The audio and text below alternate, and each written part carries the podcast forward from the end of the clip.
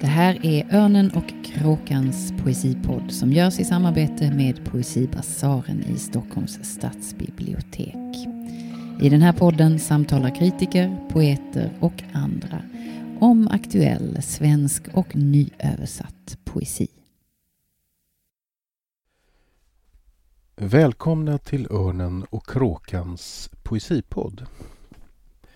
Jag heter Magnus William Olsson. I den här lite ovanliga podden ska jag ta upp frågan om poesins plats på biblioteken. I en tid när såväl poesin som biblioteken trevar efter nya sätt att förstå sig själva och vad man egentligen ska ha dem till. Jag ska ta med er till biblioteket i Tranås som är ett av de bibliotek i Sverige som mest intensivt och uppfinningsrikt arbetar just med poesi. Och ni ska också få möta Elisabeth Skog och Jeanette Malm på Stadsbiblioteket i Halmstad och få höra om deras arbete med poesi och biblioterapi. Redan från början vill jag lägga fram mitt perspektiv. Sedan början av 10-talet har jag samarbetat mycket med bibliotekarier.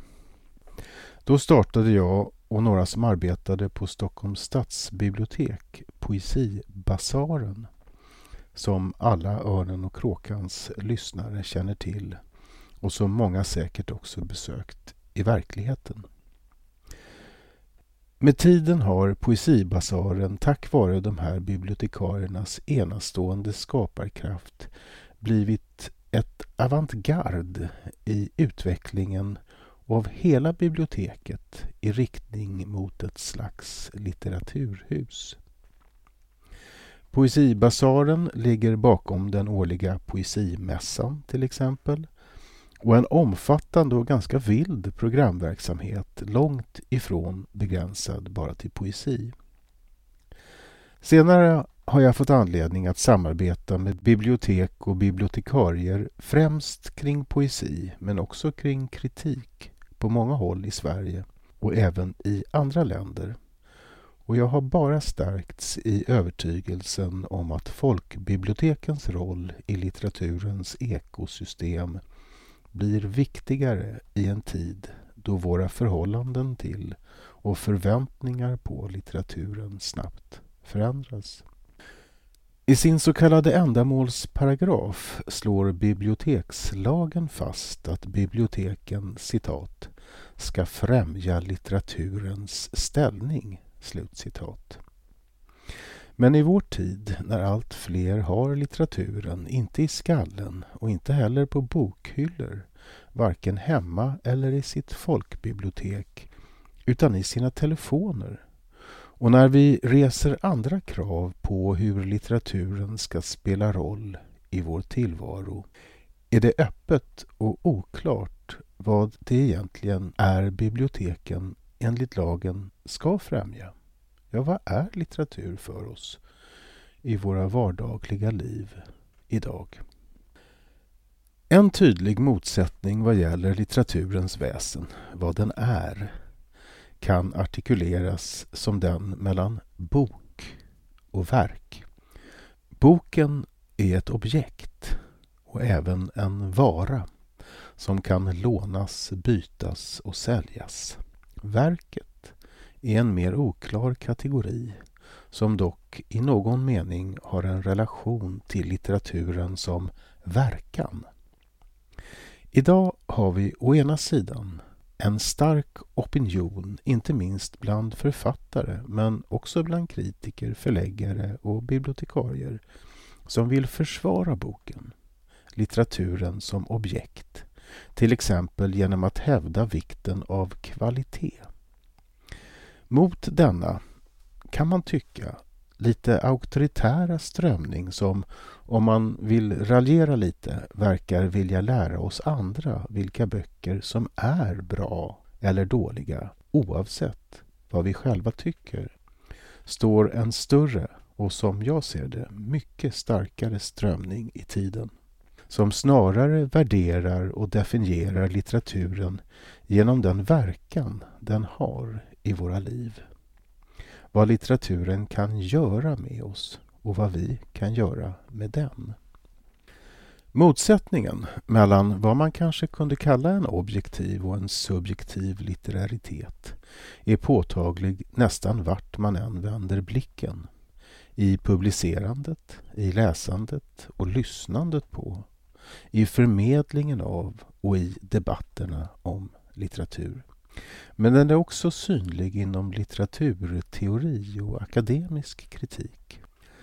Den Paul Latourskt inspirerade postkritiken, sådan den till exempel kommer till uttryck i den inflytelserika danska litteraturvetaren Anne-Marie Majs senare arbeten, sätter texten som sådan inom parentes och fokuserar istället på hur litteraturen tar plats och gestalt i och genom våra levande liv. I den här podden kommer motsättningen mellan objektiv och subjektiv litteraritet till uttryck genom två sätt att arbeta med poesi på bibliotek. I Tranås arbetar de med att distribuera och väcka intresse för böcker och dikter. Ofta i samarbete med ideella krafter vänder sig biblioteket med framgång utåt. Man ordnar festival, mikroförlagsmässa, Veckans poet. De främjar och sprider intresse för poesi genom Instagram och andra sociala medier. I Halmstad, å andra sidan, vänder de sig istället inåt. Där bryr de sig inte så mycket om böckerna eller poeternas namn. Där står dikternas verkan helt i centrum.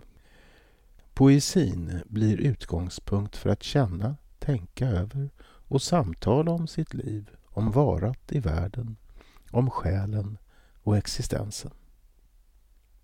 Först ska vi bege oss till Tranås, en ganska välmående kommun om knappa 20 000 invånare på gränsen mellan Småland och Östergötland och ett samhälle med gamla anor och en huvudgata, eller snarare boulevard, som i pampig bredd väl kan mäta sig med sina parisiska förebilder, men som åtminstone så här i november ter sig gles och överdimensionerad. På denna praktgata ligger förstås också biblioteket där poeten, förläggaren och bibliotekarien Magnus Gren möter mig i dörren. Hej hej, välkommen till Tranås. Tack så mycket. Biblioteket, ja tack. Ja. Men du kanske varit här förut? Jag har varit här förut, ja. Ja, precis. Okej. Kan vi inte ta en runda först? Jo, fast se in här uppe sen. Men vi kan ta en Vi kan bara ta en runda vi ser. Jag ska berätta lite vad jag ser. Det är ett stort kvadratiskt atrium. En slags... Eh, eh, man har ett glastak här Ja, tittar det. Och ut. det här glastaket var ju inte här från början utan tillkom 92. Ja. Och du ser det här eh, marmorgolvet. ja, precis. Det var ju ett dansgolv för eh, Stadshotellet. Ah, Och tror jag 1972 uppträdde ju Josephine Baker här. wow. Eh, och här nere, det är en nedervåning och här är liksom allmän... Man ser Här är det ju som skönlitteratur och, här, och lite sån här tillgänglighets storstil Ja. och allt sånt här. Som Daisy, ja, Daisy-böcker där. Och när ni har program, då har ni de Nu här? kör vi bort allt här för allt på hjul. Ja, allt här på mitt, under glastaket på golvet. Då högtalare och sen på väggen där inne så rätt smidigt då som bara kör igång. Och sen har vi ett förråd med stolar så vi kan dra ut 100 pers, 100 stolar rätt hyfsat fort. 100 pers får ni plats med här alltså. Minst alltså. Eh, Jag tror rekordet är 140 och sånt här. Så. Men då är det trångt.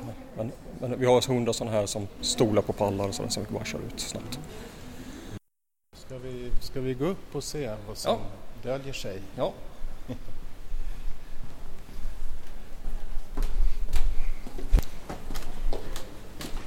Får jag fråga, vem köper in poesin här? Eh, ja. Det gör du ja. Ja. Och den övriga inköpen, är, det centralt? Eh, det är lite blandat. Ja, vi har Mm. liksom olika ämnen. Liksom- Men ni håller, ni håller liksom eh, inköpen till biblioteken? Ni har inga såna, köper inga tjänster eller sådär? Ja, nej, inte än i alla fall. Jag hoppas vi slipper. Så Ja. vi kör. Poesihyllan är generös och välsorterad. Det nyutgivna finns, liksom gamla slitna biblioteksinbundna böcker.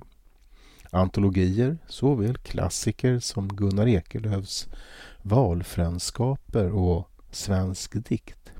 Som till exempel Christian Karlssons generösa antologi med georgisk poesi som kom häromåret. Det finns också rariteter med anknytning till orten. Vi har ju en Hermelin-samling här inne på hembygdssamlingen. Också han har översatt ju 10 000 sidor persisk medeltidslyrik och han är ju från trakten. Så, så vi har en hel del med Ekelöf som har persisk balsam och de här grejerna också. Okay, så, det... så jag kan visa den som i glas, glasskåpet. Så vi har de står ju förut i magasinet men jag har lyft upp dem till lokalsamlingen. Alltså för, Just det. I och med att på något underligt sätt Hermelin blivit lokalgrej också. Och han har ju spännande liv och sådär. Det är uppenbart att Magnus Gren själv är avgörande för bibliotekets aktiva poesiarbete.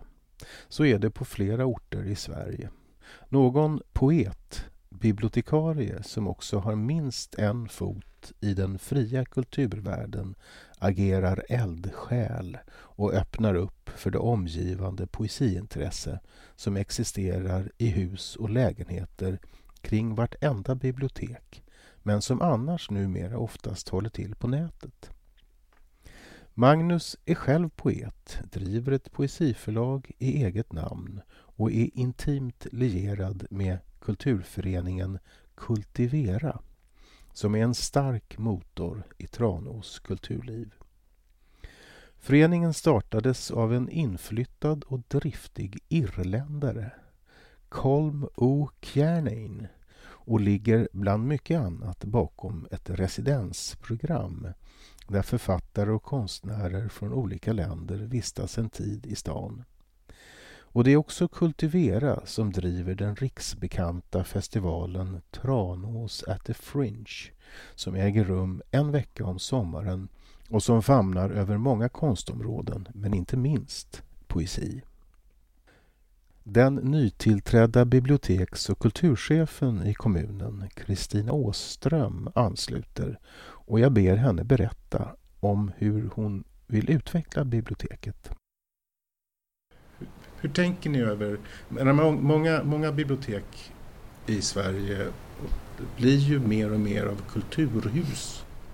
Mm. Eh, och mindre och mindre av boksamlingar, eller vad ska jag säga. Eller fokus flyttar i alla fall. Mm, mm. Även om vi nu sitter i en väldigt fin boksamling just nu. Men, men eller hur? Vad, vad tänk, vad, hur, hur, funkar det här?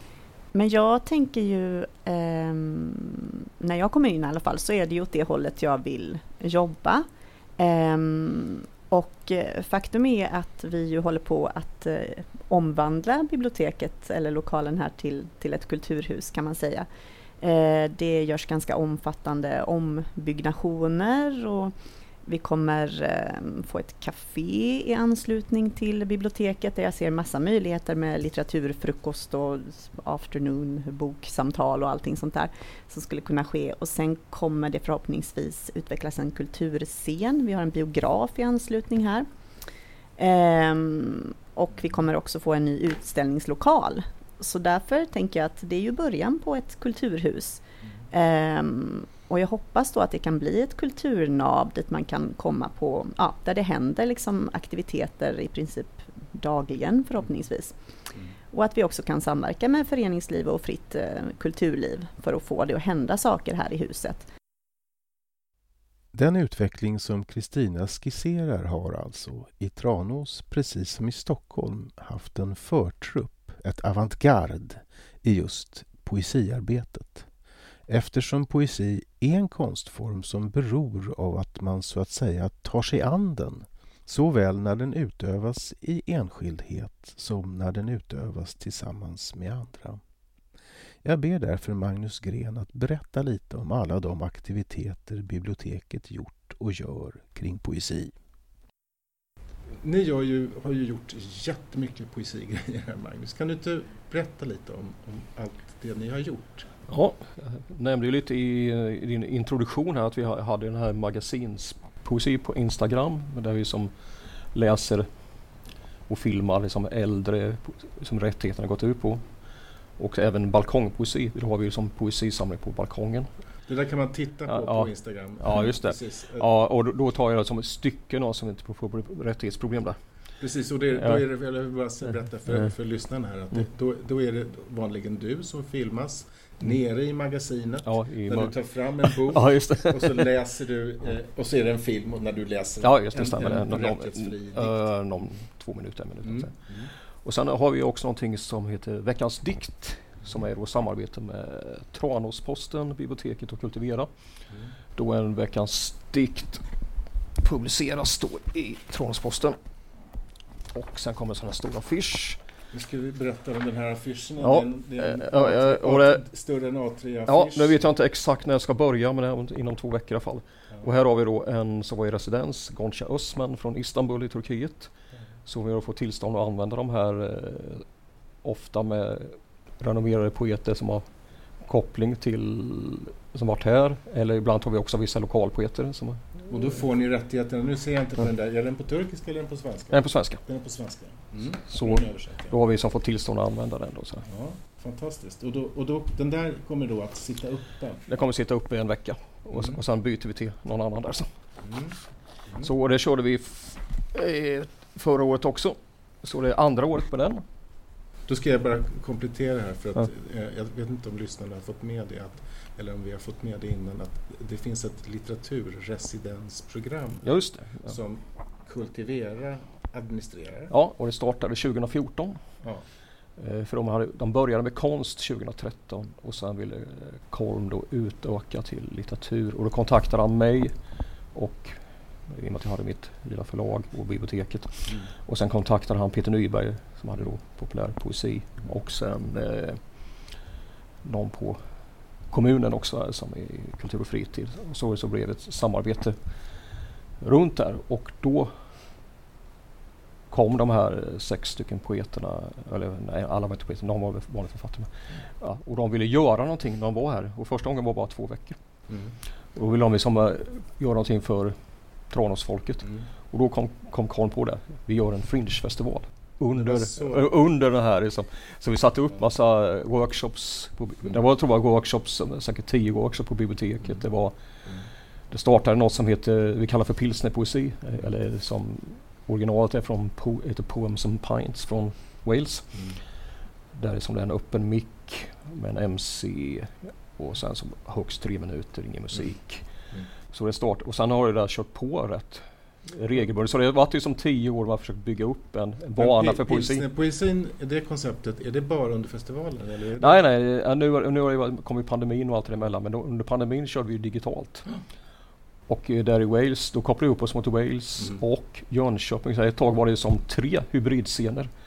Litteraturhuset i Jönköping, Kultivera Tranås och eh, Kuru i Carmarthen i Wales. Mm. Som, som, och sen plus Somland då, så fyra egentligen kan man säga. Mm. Så, och det, ju, det fortsätter fortfarande varannan vecka. Där, som, och ibland hoppar vi på och är med mm. kanske ja, några gånger om året. Där. Online. Online. Men annars så i flera år körde vi på Bantai, eller före pandemin körde vi som regelbundet på en thai-restaurang, alltså Bantai. Kanske sex, sju gånger om året. Eh, mm. Två gånger under festivalen men sen några gånger till. Men det här, det här nu, nu det, du är ju en intressant gränsperson i det här eftersom du rör dig både i, ja, du med på båda. I, i, ja, ja. i, det liksom utanför biblioteket och i biblioteket. Mm. Som, men det här ligger formellt utanför? Det ligger formellt utanför, ja. ja just det. Och jag tror inte får blandningen pilsner med kommunen heller. Nej, det är väl det. det är ett problem. Ja, berätta mer vad ni gör här på biblioteket i Poesivägen. Ja, ja, jag hade ju förut här, vi nämnde Erik Hermelin-samlingen här. Det och sen har vi ju biblioteksvisningar.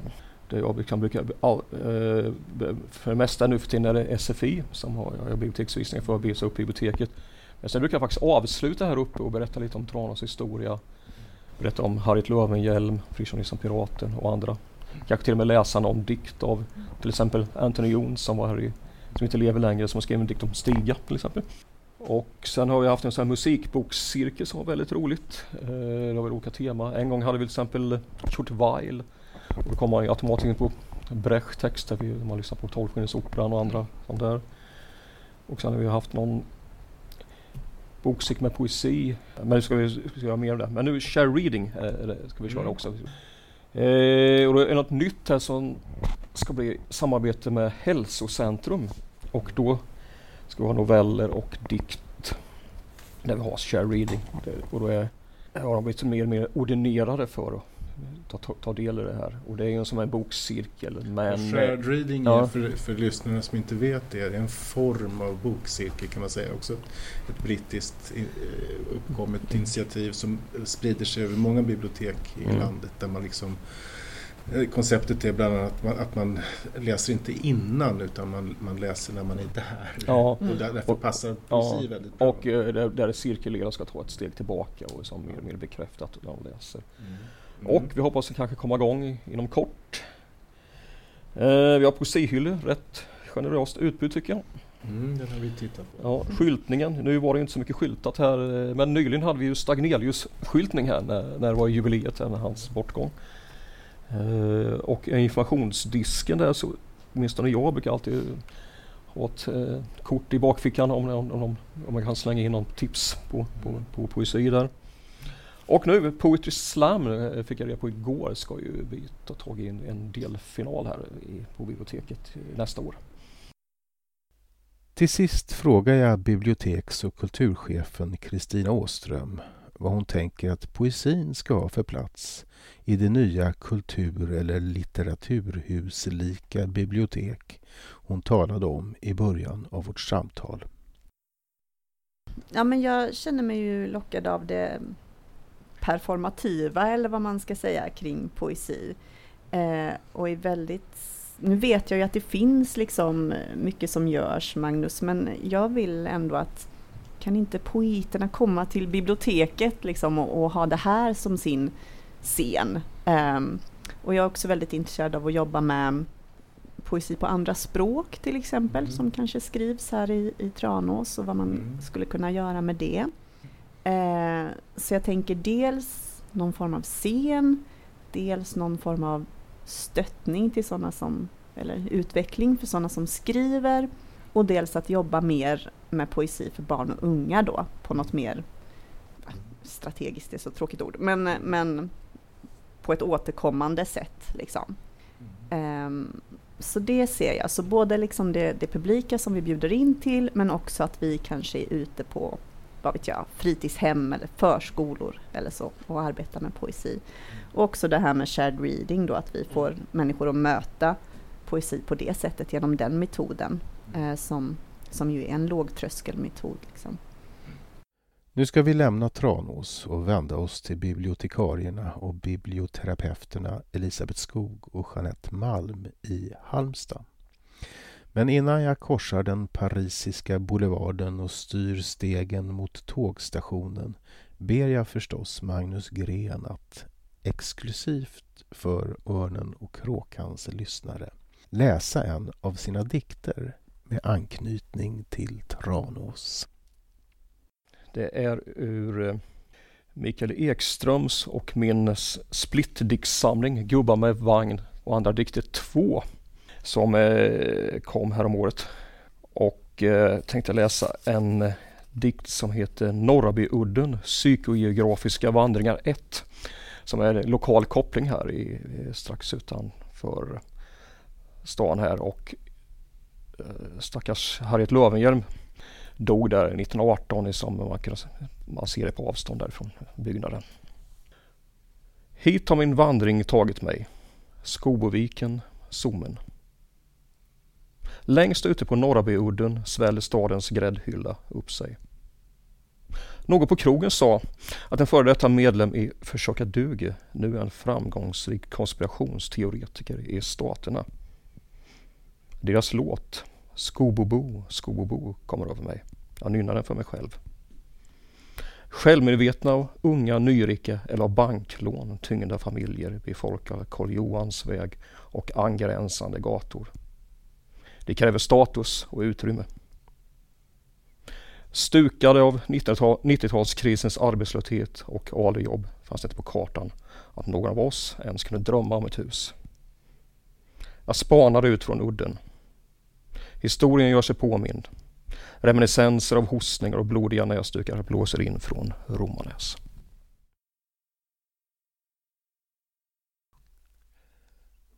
Ja, nu har jag fått två bibliotekarier från Halmstad på tråden. Hej Jeanette Malm! Hur är Hej, läget i Magnus. Halmstad? Jo, men det är jättebra. Det är en härlig, stilla, krispig morgon. En härlig, stilla, krispig morgon. Det låter underbart. Mm. Och hej Elisabeth Skog! Hej Magnus, hej hej. Hej! Det, när man hör er så här så, så eh, kommer jag genast att tänka på Bibliotekspodden. Därför att därifrån känner man ju era röster som har varit som startat, ni, st- ni väl startade ja, var det 2015 eller något sånt? Va? Ja, det Ja, var det. ja. Och som ju är en podd, eller har varit en podd, vi får prata mer om det, som där ni har pratat om böcker och ibland också om poesi. Och ibland har ni haft gäster. Jag vet att ni har haft Jerker Sagfors där till exempel. Och så. Mm. Men den ligger ner nu. Ja, den gör ju det. Alltså, det är ju en prioriteringsfråga. Men den kan dyka upp igen, det vet vi inte. Men idag ska vi ju inte prata om poddar utan vi ska prata om den här andra delen, eller en annan del av er verksamhet i Halmstad. Nämligen eh, det som ni gör i egenskap av biblioterapeuter, utbildade biblioterapeuter. Eh, Mm. Och i synnerhet då eftersom det här är en podd om poesi och bibliotek eh, med utgångspunkt i poesin. Men dikterna är ju så vitt jag förstår centrala i det här arbetet. Eh, biblioterapi är en så stor och komplicerad företeelse att ja, det, det, det skulle man ju kunna göra minst en podd om. Och istället för att liksom gå in på biblioterapins historia och teori och så där så tänkte jag att ni skulle få helt enkelt ta med mig och lyssnarna eh, till en sån här session. Eh, ni, ni samlar då ett antal människor i ett rum, eller hur? Mm, det är Eh, rätt. Eh, och, och så föreställer jag mig att ni stänger dörren och de här människorna kanske inte känner varandra. Ta med oss in i det där rummet. Berätta, vad, vad är det som händer där? Jo, det ska ni få veta. Vi, eh, vi har ett väldigt tre, alltså rummets bety, alltså hur rummet ser ut är en väsentlig del i det hela och vi har ett fantastiskt fint rum som också heter Läsesalongen som vi alltid använder till våra biblioterapigrupper. Och det är ju återkommande grupper så det här med att de inte känner varandra det är ju ett övergående problem. Ehm, men vi stänger som du sa dörren och eh, vi bjuder alltid på fika, det är liksom det första som händer och det är också det är mycket det här med att skapa stämning i gruppen och i rummet. Så vi har en vagn, väldigt enkelt, men det finns kaffe och te och någon bulle. Um, och så pratar vi lite kort sådär med varandra och ser varandra och hej hej och sitter ofta på samma platser eller så gör vi inte det. Um, och sen liksom det första som, som händer på riktigt i, i de här grupperna, det är att vi sitter tysta tillsammans och så har alla ett, en skrivbok och då sitter man och skriver i fem sex minuter eh, under rubriken som är Jag just nu. Eh, och det är för att komma ner lite i varv, för att få kontakt med sig själv och var befinner man sig, hur känns det? Och det här är ingenting som man ska redovisa eller läsa upp eller någonting, utan det är bara för att skapa liksom en, en skön stämning och ett lugn. Får jag fråga, har, har alla deltagare med sig en egen bok som de skriver Ja, de, i? ja, de får det all, vid första tillfället. För Det här är ju liksom, vi håller på med samma grupp under terminsvis och först, på första träffen så får de en liten bok, eller en skrivbok, eh, som de ska ta med sig. Mm. Mm. Och sen, eh, vad händer sen? Eh, Ja, Jeanette, vad händer? Eh, där? Ja, sen delar vi ut, vi jobbar ju alltid med dikter då i våra grupper och då delar vi ut eh, dagens dikt och vi börjar också med att jag och Elisabeth läser hela dikten växelvis eh, för att man inte ska sitta och undra hur det går, hur den slutar. Får jag fråga, hur då Eh. växelvis? Läser ni varannan strof? Ja, Mm. det beror lite grann på hur dikten är uppbyggd, men det blir liksom att vi läser den tre, fyra rader på man, hela dikten. Och det, det är liksom helt okommenterat, det är bara vi gör så att de ska ha hört den. Mhm. Sen praktiserar vi en form av shared reading där vi då gemensamt eh, stannar upp. Eh, och då är det ju väldigt frivilligt ifall man vill läsa eller inte. Eh, men alla har ju varsitt papper så att det blir ganska naturligt att det går runt i vi har ganska stora grupper ska sägas också. Vi har tio personer i mm. varje grupp för att vi hade inte hjärta till att begränsa och säga nej till någon. Jag fråga, när, när, när då deltagarna eh, på shared reading-vis eh, tar sig an dikterna, gör ni en runda då så att man liksom alla säger någonting? Eller? Mm. Ja, mm. då stannar vi upp. Eh, ofta är det ju naturligt att dikten är uppbyggd så att det blir ett naturligt stopp, annars så bestämmer vi att läs tre rader. Sen stannar vi upp och då blir det ju en diskussion i rummet bland alla närvarande. Eh, och då stannar vi liksom efter de här tre eller fyra raderna eller vad det mm. nu är, strofen. Ja. ja. Mm. Så det, det vrids och det vänds och det får ta tid och det är ju också så viktigt att det får göra det för det händer någonting med dikten när man, när man läser på det sättet mm. och att andras synpunkter och tankar om dikten kan ju totalt krocka med ens egna och då blir det en diskussion om det. Så det är ju det som är det liksom biblioterapeutiska i läsningen, att det är inte, vi ska ju inte alls bry oss om vad författaren har haft för intentioner eller vad han har med eller hon har menat med den här dikten, utan det är ju vad som händer i mig när jag läser den och vi läser den tillsammans. Mm. Och det föder ju fantastiska samtal. Det förstår jag. Är, är det alltså det som händer i mig, är det, det är ju både en slags, föreställer jag mig, en, en slags hur man förstår vad som sägs, vad som står på raderna men också hur man associerar kring mm. Och så. Ja, mm, precis. Uh, mm. Och uppmanar ni då, uh, uppmanas man då att uh, beakta sina egna minnen eller sina egna, sitt, vad ska jag säga, sitt själv eller jag eller sin själ mm. eller vad ni nu kallar det i den där läsningen? Ja, det är ju vår, min och Elisabeths roll i den här diskussionen. Alltså vi är ju deltagare också, men vi är ju också de som ska liksom snappa upp om någon har en tråd som den kanske inte riktigt vågar följa eller att, mm. att alla kommer till tal. Så att vi, vi får ju vara väldigt uppmärksamma på de här liksom, små signalerna mm. och eh, Mm. ja, styra samtalet kanske lite grann. Men vi behöver väldigt sällan göra det numera. Vi tycker att det, de allra flesta kan liksom, de förstår mm.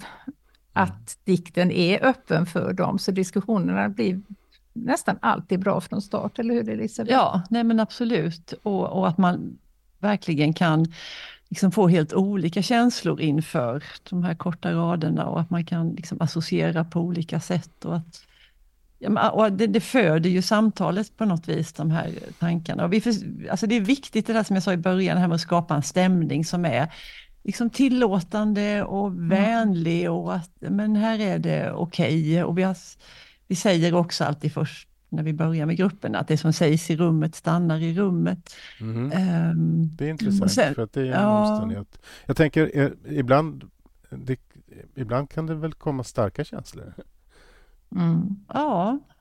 Är det, är, är, det, är, det, är det någonting som ni uppmuntrar eller är det liksom eh, är det liksom, tycker man om om någon känner starkt? Eller? Förstår du vad jag menar? Förstår ni ja, jag menar? Ja. Um.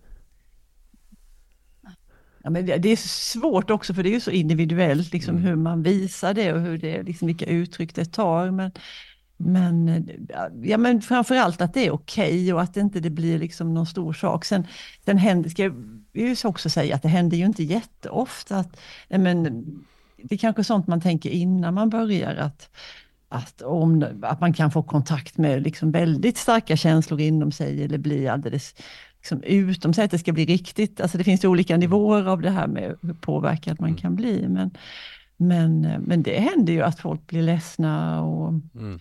Men det finns också mycket glädje och liksom någon, mm. liksom, det är verkligen en bubbla i det här rummet när vi sitter och att vi ser varandra och liksom bekräftar varandra, även om inte vi tycker likadant, så är det en väldigt mm. Ja, det är svårt att beskriva den där känslan. Ja, man måste uppleva den själv. Men det är också mm. någonting som vi har upptäckt, det är ju att att man har den här dikten då, eh, att man pratar om sig själv utan att prata om sig själv, som är väldigt förlösande. Mm. Och det, att man mm. inte är i ett sammanhang där någon annan, eh, alltså de är ju bekanta med varandra, eller det blir de ju, men om man tar upp någonting med en nära vän eller familjen så kan den personen känna att den har ett ansvar att lösa det här problemet. Mm. Och det känner inte gruppen, det gör tror jag att personerna då, deltagarna kan vara mer öppna. vi har hört det flera gånger, den här meningen att det här har jag aldrig berättat för någon. Mm. Mm. Men det finns ju också, tänker jag, att, att man eh, som i många terapiformer eh, att det här blir ett sätt för att inleda ett reflexivt samtal med sig själv, mm. om mm. sig själv eh, genom ja, ett, ett uh, objekt då, som är den här dikten helt enkelt. Ja men precis, och det, det, vi är ju tydliga med det när vi liksom berättar om våra grupper och välkomnar nya deltagare när det händer och sådär. Att, att vårt mål med det här det är ju att, att skapa ett rum för existentiella samtal. Um, och att det finns inga sådana platser i samhället som erbjuder det här.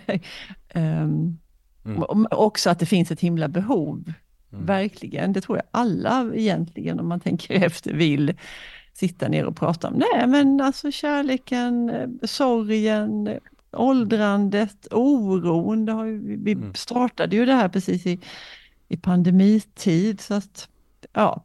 Um, men innan vi, vi ska gå över till mm. det, vi ska prata ja. om vad som är ja. utvecklingen i det här arbetet mm. som ju har varit fantastiskt, vet jag förstår. Men jag vill innan vi lämnar det här rummet så hur, hur slutar det sen? Alltså, hur lång tid tar det? Har det en tidsgräns? Eh, och många trådar måste ju ligga öppna, eh, mm. ligga kvar vid samtalets slut. Hur, hur, ja, hur slutar sessionen?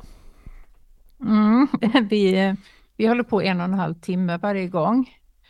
Eh, och dikterna är ju sällan jättelånga och det tar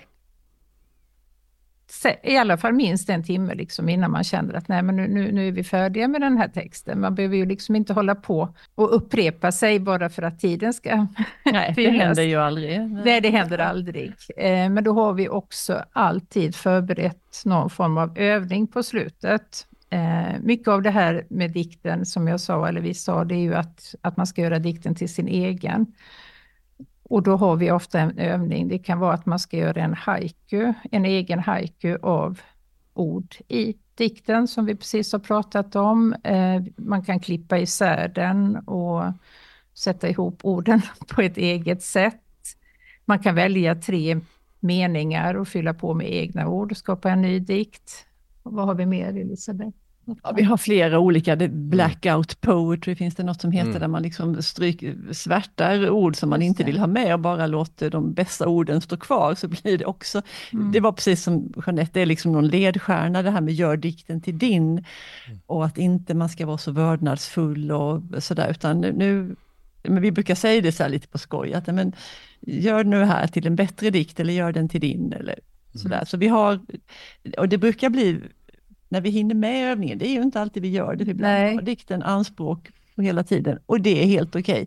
Men vi, som sagt så har vi alltid en övning i beredskap och det brukar bli väldigt kul och lite förlösande och lite att man gör något handfast eget. Och sen nu på sist, senare tid så har vi också eh, brukar vi avsluta med att vi tar en, en, kort runda där man får säga vilken känsla bär du med dig efter idag? Um, Mm. mm. Och då får alla deltagare, och det känns också som att det är Mm. Det känns bra liksom att sätta ord på. Ja, men det är också ett väldigt bra sätt att avsluta. Ja. och då har alla fått komma till tals en sista gång. Ja. Man, ja, det är ett naturligt mm. avslut. på. Mm. Mm. Ja, men vad det låter ju spännande och intressant på många sätt och mycket, mm.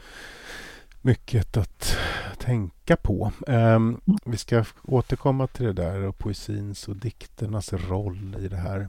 Ehm, men jag tänkte först att ni ska få berätta lite eh, om hur det här har utvecklats på biblioteket. För att ni gick väl utbildningen, eh, biblioterapiutbildningen 2019, eller hur? Ja, det stämmer. Ja, det. Eh, vi gick ju det som heter då Ersta Bräcke Sköndal, som nu heter Marie Cederschiölds Ja, I Stockholm i alla fall. En, Mm. en av två utbildningar som numera finns tror jag. Då Mm. fanns väl bara den. Mm. Ja, precis. Mm. Mm. Ja. Mm. Och så kom ni då hem med den här nya kunskapen och, så- och, då, Ja. och så satte ni igång. Hur då? Ja, då var vi helt nyfrälsta och tyckte att det här var ju svaret på det mesta. Och nej, men på, jag skojar lite, men, men verkligen att det, Mm. det öppnade ju ögonen. Och just det här med att, att dela sin läsupplevelse på det här sättet. Ja, vi var väldigt entusiastiska och ville ju genast sätta igång, vilket vi också gjorde. Men ehm, Ni annonserade och så kom det en ja, massa abs- folk? ja, det gjorde vi. Ja, vi kallade det här hur, hur mår du människa var liksom första och sen så var svaret dikter för svårmodiga ville vi döpa det till och det gjorde vi också. Så, men vi fick ett enormt gensvar. Eh, så vi fick dubblera. Det första som hände var att vi fick gå till vår chef och säga att vi måste ha två grupper för det här är så många som vill vara med. Mm. Det var liksom det första som hände och då bestämde vi att vi skulle ha en förmiddagsgrupp och en kvällsgrupp med ungefär tio, minst tio personer. Sen var det någon som kom oanmäld som Mm. liksom kuppade sig in. Det var Men det var också roligt. Mm. Eh, ja. Och, och, och, eh, hur ofta? En gång i månaden? En gång i... Mm, eh, det blir det ungefär. Vi, då hade Mm. vi fyra träffar inplanerade. Vi började i februari tror jag. Och de som Eh. kom då, är det, är det liksom, var det vanliga bibliotek, liksom, annonserade ni det på biblioteket eller på hemsidan eller var det liksom vanliga besökarna som kom också på det här? Kände ni igen folk så att säga? Eller var det, hitta, Ja, var det, det, var både, människor? både och. Det var ju flera som var helt nya för oss och Oh ja. en del som vi kände igen. Men, men det var det väldigt bra åldersspann. Vi hade en ung person som var i 20-årsåldern och vi har en äldre man som fortfarande hänger med som är en bit över 80 nu. Mm. Flest kvinnor men absolut flera män också. Vi hade Mm. säkert fem, sex män där i början. Ja. Mm. Och sen eh, den där succén, eh, alltså att det var så folk verkligen ville gå på, vara med om det här. Eh, Mm. Det utvecklades sen. Sen kom ju pandemin och allt det där som vi Mm. hade, Ja. att, hade att, att hantera. Men ni har också börjat göra det här utanför biblioteket, är det så? Eller med andra eh, på beställning, eller vad ska jag säga? Mm. Berätta. Ja, alltså först eh, kan jag säga det att de här dikter för svårmodiga, det, det gjordes också reportage i en tidning som delas ut till alla hushåll i Halmstad om biblioterapi och då fick vi så otroligt många som ville vara med så att då fick vi starta två nya grupper och vi tänkte vi kan inte ha dikter för svårmodiga 1, 2, 3, 4 så de här systergrupperna fick heta poesi för melankoliska. så nu har vi då totalt eh, nästan 50 personer i de här två grupperna. Och det tillkommer, alltså det är ett flöde så att vissa stannar kvar och så kommer det nya och sådär. Mm. Och vi har några på vänt. Och vi har några på vänt. Eh, men vi, sen har vi också fått frågan eh, om samarbete med liksom nischade grupper. Mm. Berätta. Absolut. Och det var mycket som hände tack vare den här artikeln i den här den tidning som kommunen delar ut, så den går till alla hushåll. Ehm, och då var det personer som hörde av sig från socialförvaltningen, eh, om, undrade om vi ville ha en, kunde ha en grupp för deras anhöriga. De, det finns en anhörigkonsulent där som också har gruppverksamhet, undrade om vi ville det.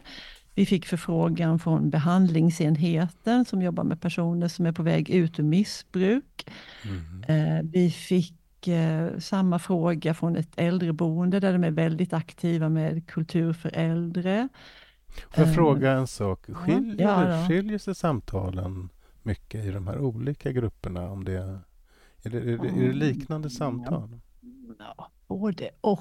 Alltså, ja, vad säger du Jeanette? Ja, nej, men förvånansvärt lite skulle Mm. jag säga. För som exempel behandlingsenheten eh, som skickar då sina grupper, det här är ju ett led i liksom deras behandling, de gör ju en massa aktiviteter. Mm. Och det är ju personer som är oftast väldigt biblioteksovana och haft liksom annat att tänka på än att läsa poesi kanske. Men eh, det är helt alltså, fantastiska möten. Mm. Eh, för de har inget filter mellan sig själva och texten oftast. Mm. Utan de applicerar, de förstår intuitivt det här, ja, men det här handlar ju om mig och att eh, man kan direkt då liksom föra över sin egen eh, livssituation på en dikt av Bruno K. Öijer till exempel. Mm. Eh, Mm. Så nej, jag tycker inte att det skiljer sig åt väldigt mycket. Nej. Intressant. Ska vi, ska vi försöka komma över lite på dikterna? Det, jag föreställer mig att det är inte alla slags dikter som funkar för det här. Eh, utan det, ni måste ju orientera, välja dikter. Eh, Mm. Och jag antar att också samtalet och formen utvecklas, kan utvecklas genom att man väljer lite annorlunda sorters dikter. Att hur, hur, hur, hur väljer ni och, och varför är det just poesi ni har valt att arbeta med? Mm. Om vi tar den sista frågan först, för den tycker jag är så, vi, vi måste börja där. Mm. Eh, och det är ju att, att det finns flera saker, men en väldigt praktisk och konkret sak, det är ju att det är ju formen, att den är liksom oftast över, eller de dikterna vi väljer, de är kanske, ja, vi har haft dikter på två och en halv, tre sidor kanske, men det är ju den här överblickbarheten. Och vi har ju aldrig någonting i någon grupp att man ska läsa något, man ska förbereda sig, man ska ha läst någonting hemma, utan det, alla kommer liksom och är nya inför texten. Eh, Utom ni är- som har läst dem. utom vi som har Mm. läst, som har valt och som har läst den. Eh, och sen, sen och det är liksom en, en praktisk aspekt och sen är det ju att, att bra dikter ofta har, det finns flera lager, det finns, eh, man, man, man kan liksom tänka och associera och fundera på de här orden. Det, där, där finns eh, det, det är mångfacetterat och där finns saker som man liksom försiktigt kan avtäcka. Mm. Mm. Ja, men det tar heller aldrig slut, har vi ju upptäckt. Nej. Att vi väljer ju ofta liksom, dikter som vi själva känner till, som vi tycker att vi kan, som har hängt med oss genom åren och sådär. Och vi, kan inom citations... Ja, precis. Men eh, vi återanvänder ju dikterna eh, så att vi, vi använder samma dikt i alla de här fyra grupperna som ja, svårmodiga och Mm. melankoliska och alla fyra samtalen är helt olika. Vår eh, liksom förståelse eller känsla inför dikten förändras Mm. hela tiden. Mm. Alltså det är outtömligt eh, Mm. material att använda sig av. Mm. Vi brukar också säga att dikter är den bästa självhjälpslitteraturen. Man Mm. kan skrota hela avdelningen D och KB, ställa dit poesi istället. Mm. Mm. Mm. Men inte all slags poesi. Vi, vi ska återkomma till det. För jag tycker det är intressant det här med eh, vilka dikter ni väljer. Är det så att ni liksom med, med tiden nu liksom kommer att utbilda en sorts eh, a- antologi för, Mm. för liksom biblioterapeutiska samtal? eh? Ja, Ja, det är en jättehärlig idé. Ja, det hade Ja. vi absolut gärna det gjort. borde för ni det- göra. Det, det, Ja. Den kommer Mm. nog att- kunna bli efterfrågan. Ja. Mm. Mm. För att eh, jag tänker mig att som poet sådär, jag är ju poet och eh, Mm.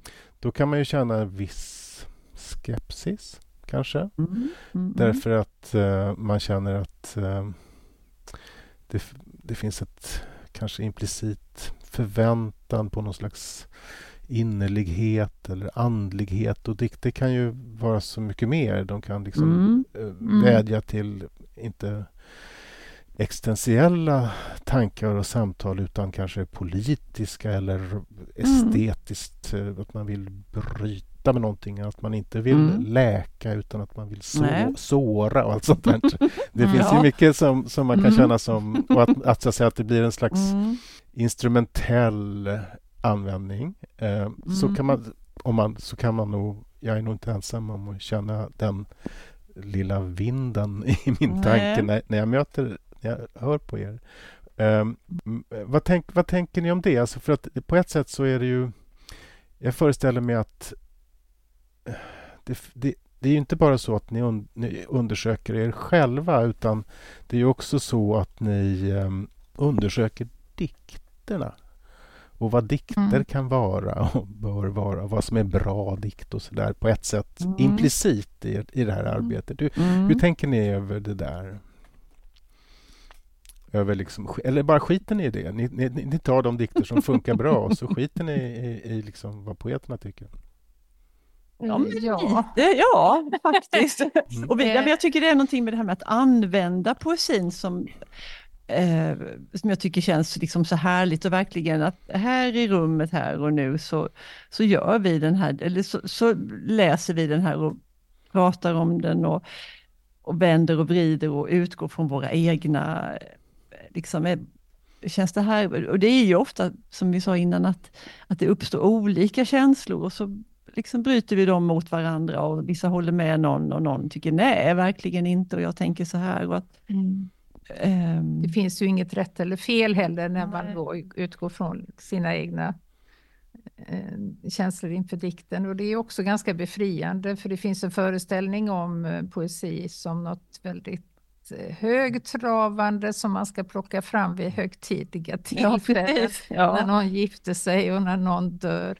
Men vi menar ju att liksom poesin ska finnas i vardagen. Och urvalet har väl skett ganska initiativt, ganska mycket till början. Mm. Att, ja, men det var dikter som vi själva, vi är ju, alltså vi älskar ju poesi båda två. Mm. Eh, men sen har vi också lärt oss mer vad som vad som är en bra biblioterapidikt, men jag tror inte att vi kan sätta ord på det riktigt. Och det kanske kommer att utvecklas också när ni utvecklas ja. som biblioterapeuter mm. och grupperna utvecklas till, mm. till liksom mer kunniga läsare och sådär. Ja, men det vad som, mm.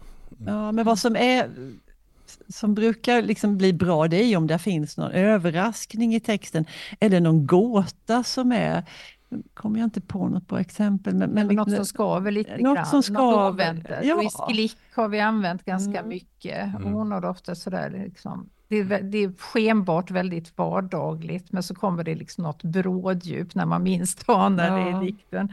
En fallucka som öppnar sig. ja. eh, Tua Forsström använder vi jättemycket också. Eh, mm. Ja. ja, intressant. Ja, den där antologin får ni göra. Den, den ja, tror jag kommer bli Ja, succé. men det var en bra idé. Ja.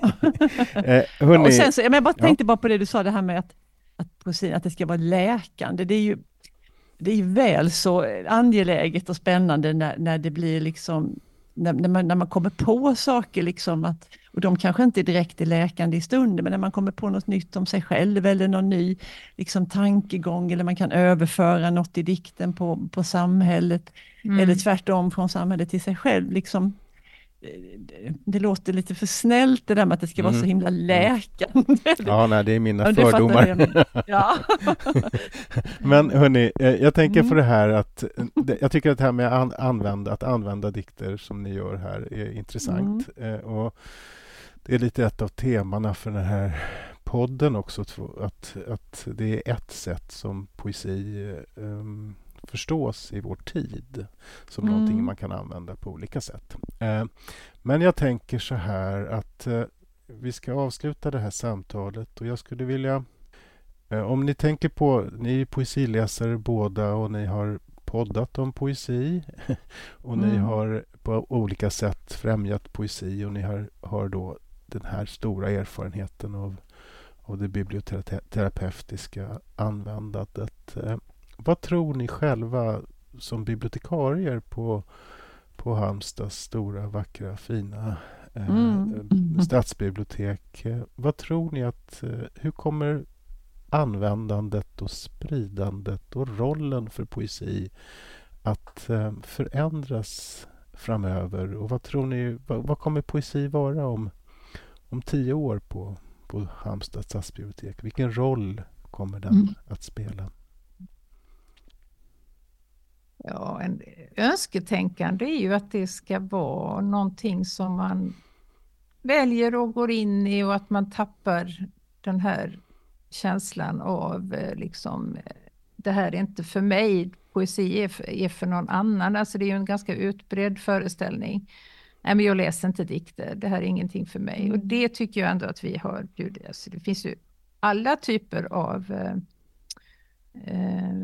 eh, deltagare i våra, det är pensionerade snickare som eh, mm. jag tyckte det lät kul och som faktiskt har blivit poesiläsare. Men vi har också upptäckt att de säger att samtalet om dikten krävs, för de får inte ut så mycket av den om de läser mm.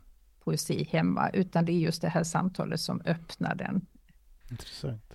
Mm, ja, men för det är ju genomgående för personerna i de här grupperna, att de har ju kommit liksom för uppläggets skull, för den här idéns skull, inte för att de är liksom inbitna poesiläsare som vill utveckla det eller som vill prata med likasinnade, absolut inte, utan genomgående har ju varit att, att de, ja, jag läser aldrig dikter och ja, det har ju det är ju biblioterapin som har lockat dem. Mm. Sen att vi använder dikter, det har de fått, det har de fått tugga i sig. Ja. Men det här med att eh, det reflexiva är att, man, att poesi erbjuder en möjlighet att tänka mm. över sig mm. själv. Eh, ja. Och det här mm. embryot som ni har i, i början av sessionen, att man skriver om, om nuet, eh, om mm. känslan i nuet. Det, det vetter ju ändå åt skrivandet. Att man mm. skulle kunna tänka sig att, eh, inte alla kanske, men en del av era en, del, en förlängning av den här erfarenheten mm. av att gå i, terapi, i biblioterapi skulle också kunna vara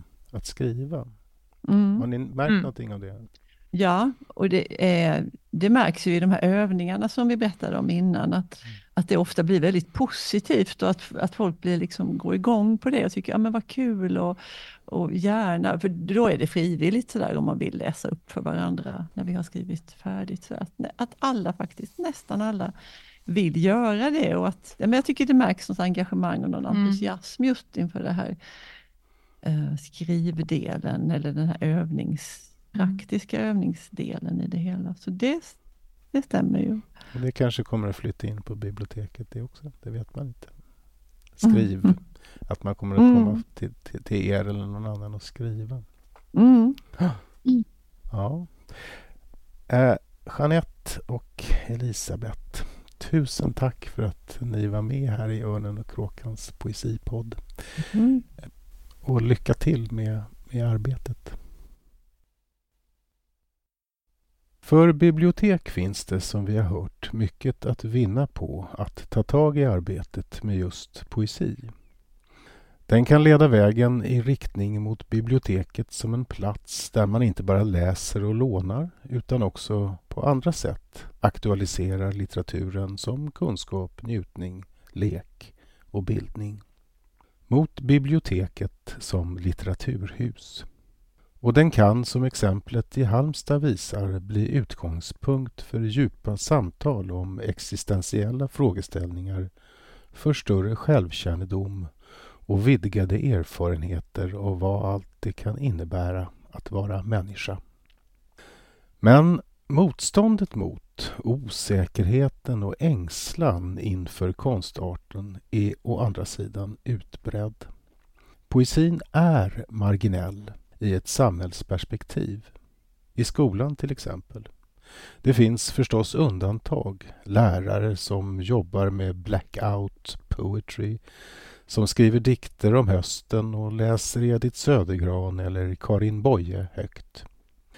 Men som regel möter elever poesi kanske bara någon eller några enstaka gånger under sin skoltid och då nästan alltid förmedlad av lärare som själva inte är mer än ytligt bekanta med konstarten.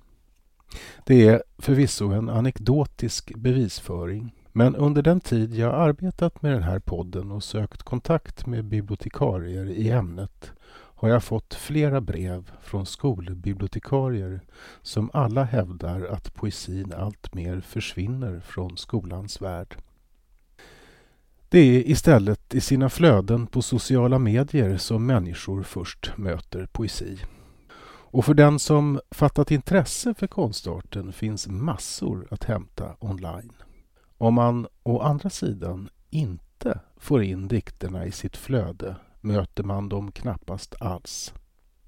Denna communitifiering, som inte bara är ett bubbelfenomen på nätet utan också ett faktum in real life, är ett av de villkor som bestämmer vad litteratur är och kan vara för oss i vår epok.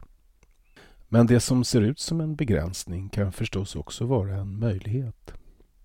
Bara på Instagram finns en liten folkrörelse av poesiutövare och kring vartenda bibliotek, hur litet och lokalt det än må vara, finns en skara poetry lovers att locka till sig och odla.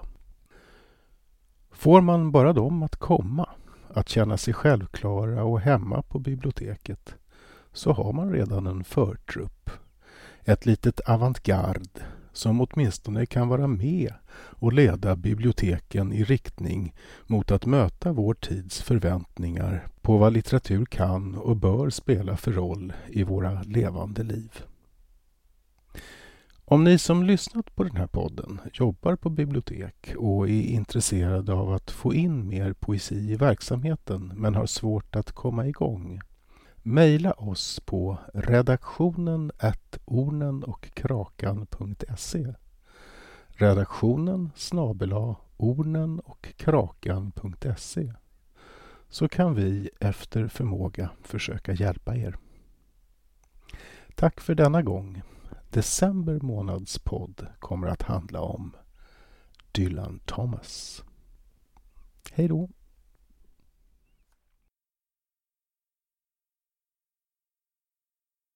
Du har lyssnat till Örnen och kråkans poesipodd. Läs mycket mer om aktuell poesi på ornenochkrakan.se